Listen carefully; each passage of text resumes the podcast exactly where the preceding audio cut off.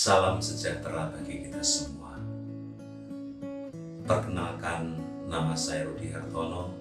Saya dari PD PKK Santa Maria Immaculata Tabanan. Saudaraku, hari ini kita akan bersama-sama mendengar dan juga merenungkan firman Tuhan yang akan kita ambil dari Injil Yohanes pasal yang ke-15 ayat yang ke-18 sampai ayat yang ke-21 dengan perikop dunia membenci Yesus dan murid-muridnya. Saudaraku, penolakan, pengejaran, dan penganiayaan terhadap para rasul dan juga para pengikut Yesus telah terjadi sepanjang sejarah hingga dewasa ini.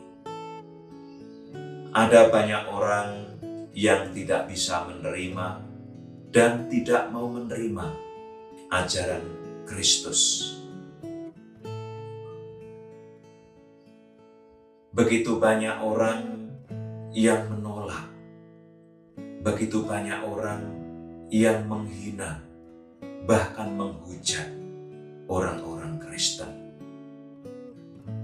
Mereka mengatakan orang Kristen Tuhannya tiga.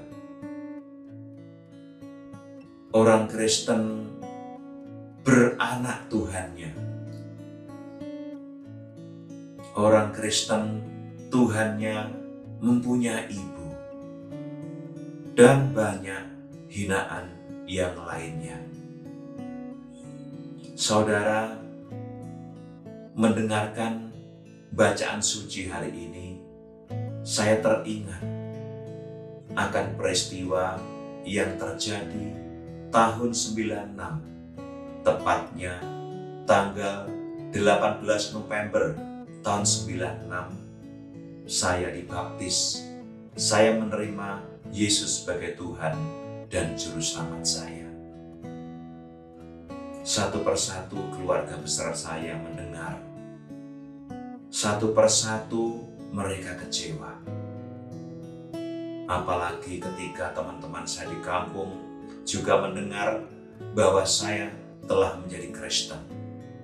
Begitu banyak orang yang menghujat saya, mengecap saya sebagai orang yang murtad, dan kelak pasti masuk neraka jahanam.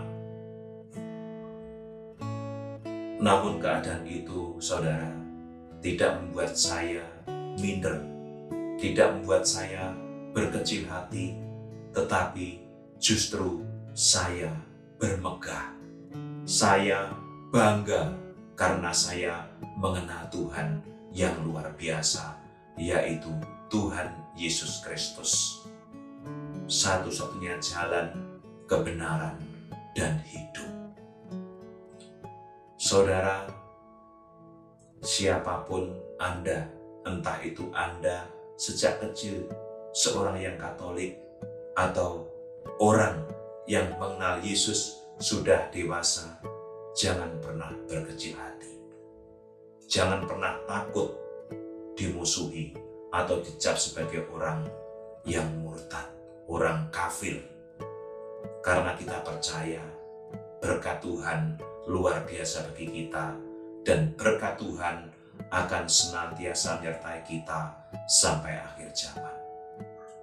Saudaraku, kiranya firman Tuhan pada hari ini menguatkan iman kita akan Tuhan Yesus Kristus sehingga kelak kita akan bersama-sama Tuhan dalam kehidupan kekal nanti.